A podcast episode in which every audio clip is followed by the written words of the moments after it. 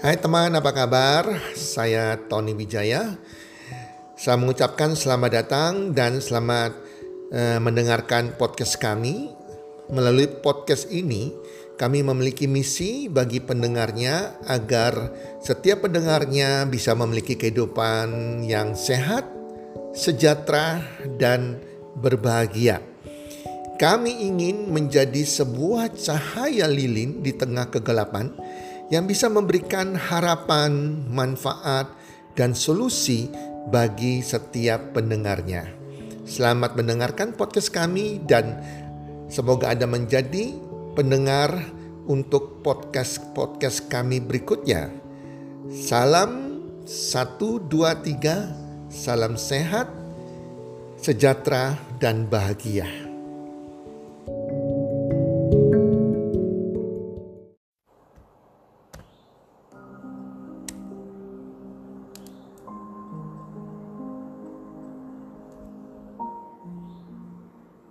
Broken Home.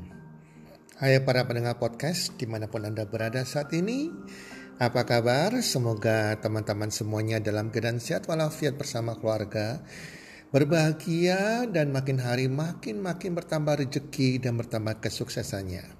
Para pendengar, saya diminta oleh seorang teman saya untuk menceritakan sharing tentang broken home Awalnya saya agak keberatan karena saya merasa bahwa saya tidak punya pengalaman dengan situasi broken home. Biasanya kalau saya membagikan sesuatu pengalaman ataupun sesuatu yang saya sharing di publik itu semuanya saya pernah mengalaminya bukan teori semata-mata, tetapi karena saya pernah berada di situasi itu dan saya sudah melakukan, sudah mengalaminya, dan sudah melewatinya. Dan setelah permintaan itu, saya agak keberatan membuat tentang broken home, tetapi kemudian sepanjang hari ini hati saya ada sesuatu berkata bahwa Situasi memang saat ini banyak orang-orang yang dari keluarga broken home. Dan tiba-tiba saya disadarkan bahwa saya juga dari keluarga broken home. Wow, teman-teman, di situlah saya sadar ternyata masa lalu saya yang tidak pernah saya nengok ke belakang karena saya melihat hari ini dan masa depan dan saya lupa kalau saya pernah masa kecil saya, saya pernah berada di situasi broken home. Dan akhirnya saya membuka lembaran-lembaran kehidupan lama saya kembali. Dan hari ini saya sharing kepada Anda semua. Khusus podcast Broken Home ini, saya peruntukkan bagi Anda yang saat ini, teman-teman yang saat ini yang lagi mengalami broken home. Para pendengar podcast, broken home biasanya digunakan untuk menggambarkan keluarga yang berantakan. Di mana sepasang orang tua tidak harmonis, saling bertengkar, tidak peduli lagi dengan situasi dan keadaan keluarga di rumah. Ortu atau orang tua tidak lagi perhatian terhadap anak-anaknya. Anak ada di rumah atau tidak di rumah, mereka tidak menyadarinya. Masing-masing orang tua sibuk dengan urusan masing-masing, kadang tidak pulang ke rumah Sekolah anak-anak terbelengkalai juga. Perkembangan pergaulan anak-anak juga anak-anak mereka di masyarakat. Mereka tidak tahu, tidak peduli juga. Itu situasi broken home yang pertama. Yang di mana saya berada dalam situasi ini. Teman-teman. Nah situasi broken home yang kedua adalah broken home yang diartikan karena kondisi keluarga yang tidak harmonis, kondisi keluarga yang tidak rukun, dan sering terjadi keributan, pertengkaran, dan berakhir kepada perceraian. Jadi, anak-anak yang berada di dalam keluarga yang mengalami perceraian itu juga broken home. Ya, jadi broken home ini bisa dari situasi orang tuanya cerai, maka anak-anak tersebut disebut anak-anak yang broken home atau situasi di mana orang tuanya tidak bercerai. Tetapi orang tuanya sibuk masing-masing tidak harmonis dan kita sebagai anak-anak tidak diperhatikan. Sehingga di situlah banyak terjadi anak-anak yang salah jalan, yang pergaulannya buruk, narkoba dan lain-lain. Karena situasi keluarga yang broken home. Teman-teman, ah, saya ini juga demikian. Pada usia 7 tahun menuju 8 tahun, ayah saya membuang saya. Dibuang, disuruh tinggal dengan kakek nenek. Karena orang tua saya ber, menikah itu terpaksa Sebetul pada waktu pacaran mereka sudah renggang, sudah putus karena nggak cocok. Tapi ibu saya terlanjur hamil, akhirnya menikah dengan ayah saya. Begitu terjadi pernikahan, ayah saya dan ibu saya selalu bertengkar. Masa kecil saya, saya hampir tiap hari melihat ibu dan ayah saya bertengkar terus melihat KDRT yang terjadi. Kalau saya menangis, saya dipukul, saya ditempeleng. Itu situasi saya masih di bawah lima tahun. Ditempeleng oleh ayah saya. Dan ayah saya tidak pernah menganggap saya anak kandungnya. Dianggap ibu saya mungkin selingkuh dengan orang lain. Itulah sebabnya ayah saya sangat membenci saya saya sejak kecil sampai ayah saya meninggal, saya tidak pernah merasakan yang namanya pelukan kasih sayang seorang ayah. Saya tidak pernah dipuji. Kalau ayah saya keluar negeri dan ibu saya bawa adik-adik saya, saya tidak pernah dibawa ke luar negeri. Saya dianggap bukan anak dia. Itu situasi broken home yang saya alami teman-teman.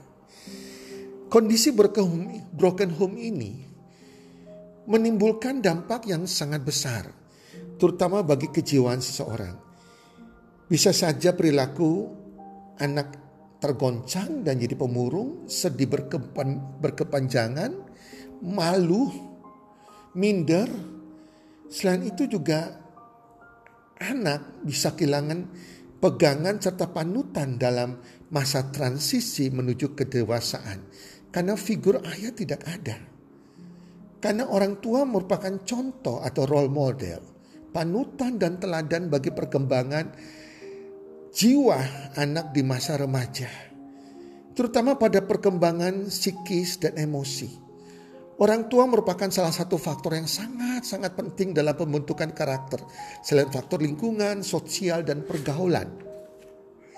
Nah bagi kita-kita, bagi teman-teman yang mengalami broken home, Gimana caranya supaya kita tetap ras, tetap rasa baik-baik dan kita bisa bertumbuh kembang dengan baik dan tidak menjadi minder, tidak menjadi malu atau lari kepada hal-hal yang tidak baik.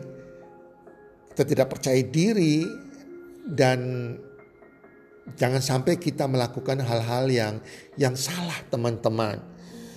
Itu saya pernah lakukan teman-teman. Karena sejak pada waktu saya SMP, saya berteman dengan seorang teman saya. Saya pendiam sekali, saya stres, saya pemalu.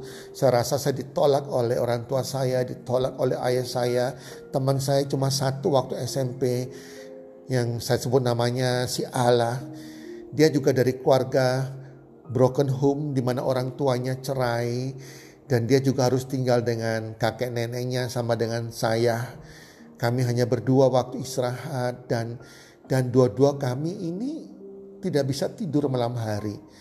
Dan teman saya ini itu sudah biasa minum Valium. Obat tidur Valium dan akhirnya saya SMP kelas 3 saya beli Valium dari dia juga dan saya minum Valium sampai saya kuliah saya masih minum obat tidur. Kalau saya nggak minum Valium saya nggak bisa tidur. Itu dampak daripada anak-anak yang broken home. Dan sampai suatu saat teman saya ini meninggal karena ya overdosis. Dia bunuh diri dengan valium yang berlebihan.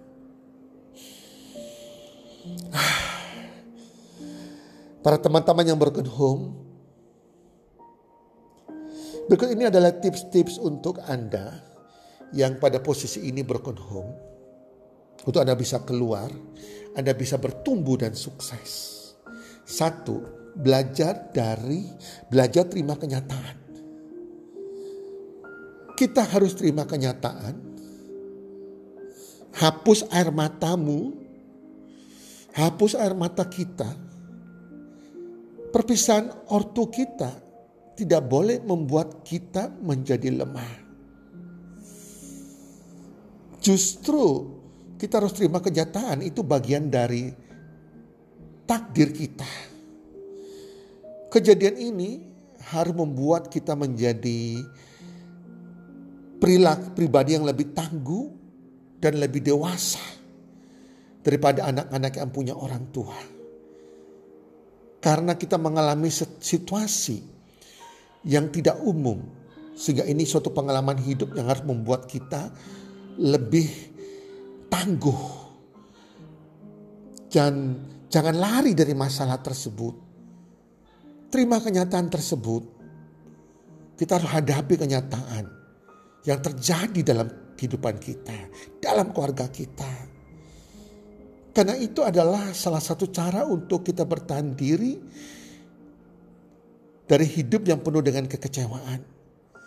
Dan jangan pernah merasa malu atau minder atas keadaanmu, teman-teman. Karena setiap orang, setiap keluarga pasti punya masalah sendiri-sendiri. Kita mengalami masalah broken home. Orang lain juga pasti punya masalah tapi yang lain. Jangan pernah malu karena orang tua kita bercerai, kita dari keluarga broken home. Karena menurut saya lebih memalukan orang-orang yang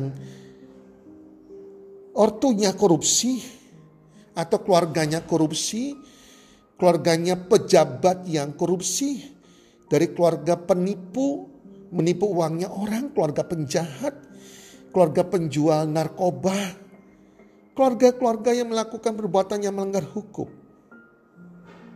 Jangan pernah malu. Saya teringat masa kecil saya, saya sering dibully, walaupun saya bukan dari broken home orang tua bercerai, tetapi sejak dari SD, SMP, SMA, orang tua saya tidak pernah mau mengambil rapot saya. Sehingga saya satu-satunya orang, anak yang mengambil rapotnya sendiri ke guru. Dan itu menjadi tertawaan, menjadi bulian teman-teman saya. Bahwa saya anak yang tidak punya orang tua. Tapi itu udah lewat teman-teman. Semua tidak terjadi, kita terima kenyataan. Ya teman-teman. Jangan salahkan ortu kita. Apalagi kita menyalahkan diri kita sendiri. Karena itu bagian dari kenyataan hidup kita, bagian dari takdir kita. Kedua, kita harus bergantung dan makin dekat dengan Tuhan. Sesuai dengan agamamu apa teman-teman. Itu membuat saya kuat teman-teman. Saya berkali-kali juga mencoba bunuh diri. Tetapi justru karena ada hubungan dekat dengan Tuhan. Saya merasakan kasih sayang ortu yang hilang.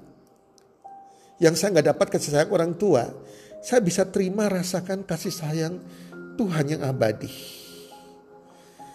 Dan harapan saya jangan cari kasih sayang kepada manusia. Kita justru bisa terjerumus dalam dosa. Cari Tuhan yang mengasihi kita tiada batasnya. Yang ketiga, fokuslah pada impianmu. Fokuslah pada cita-citamu. Fokuslah pada prestasimu. Justru kita harus membuktikan kita harus bisa menjadi orang yang berprestasi. Teman-teman sadar tidak? Menjadi orang yang terakhir atau berada di keluarga broken home tidak harus membuat kita gagal.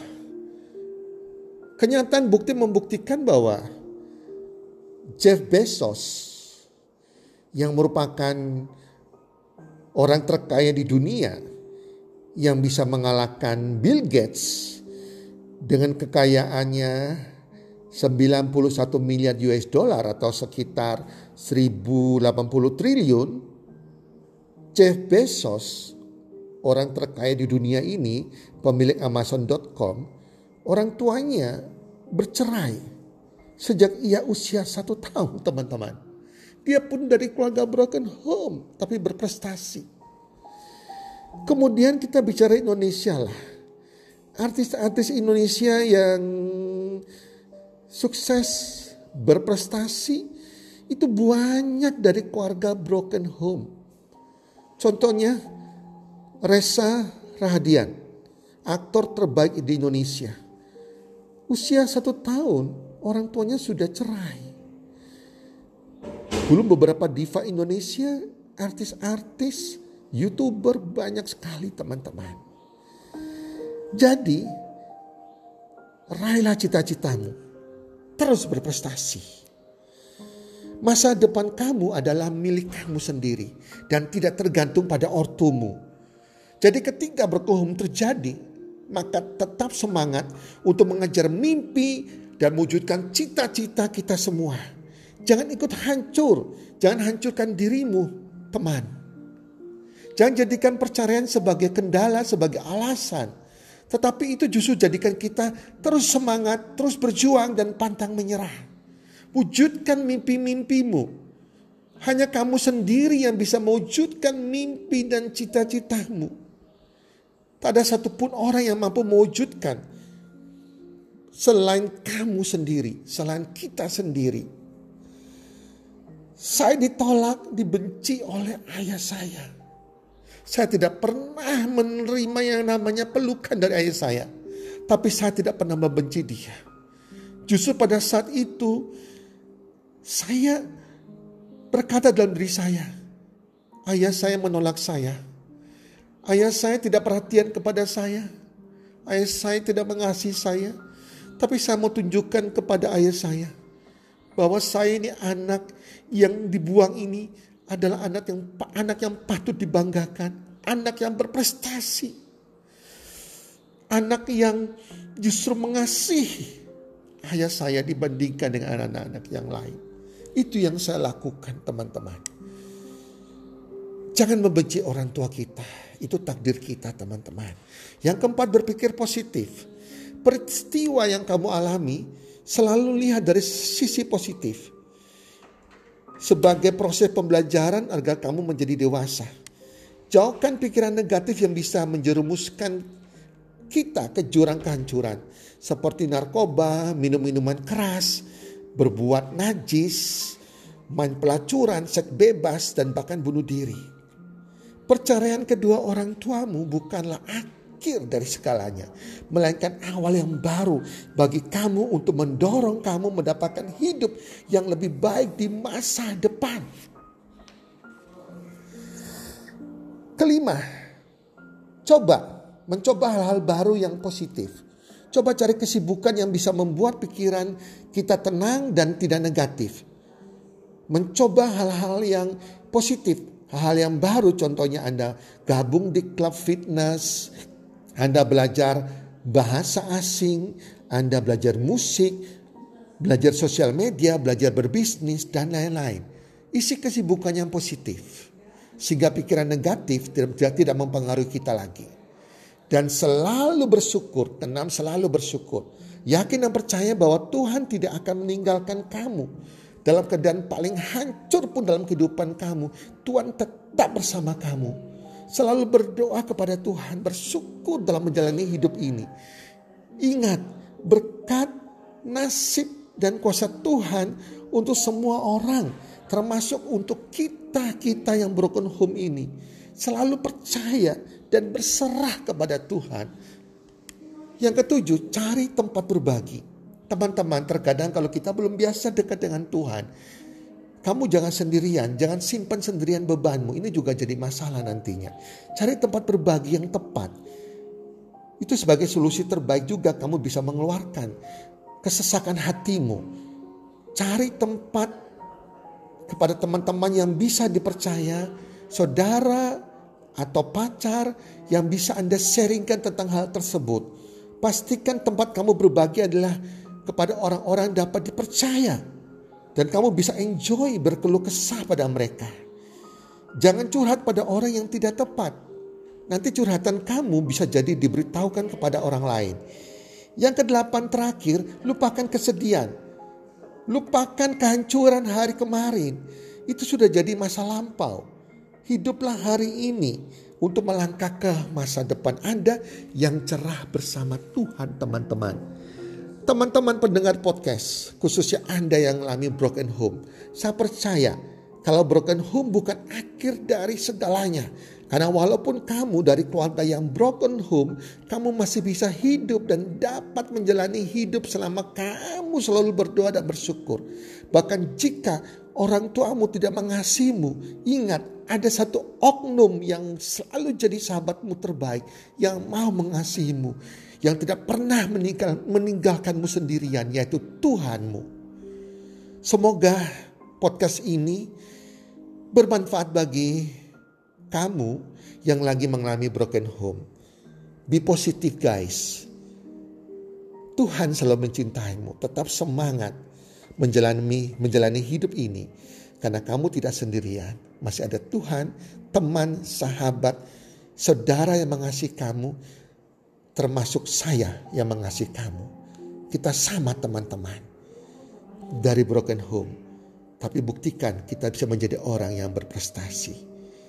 Jalani hidup kamu dengan rasa optimis. Dan raih mimpimu setinggi langit. Para pendengar podcast, semoga bermanfaat dan salam sukses. One, two, three. God bless you all.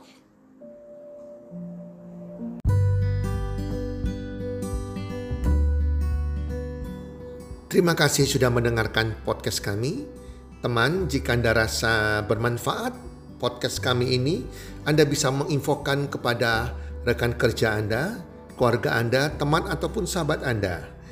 Dan jika ada hal-hal yang Anda ingin tanyakan kepada kami ataupun topik-topik apa yang Anda ingin kami bawakan, kami sampaikan, Anda bisa DM kami di Instagram kami healthcommunity.id. Salam three, salam sehat, sejahtera dan bahagia.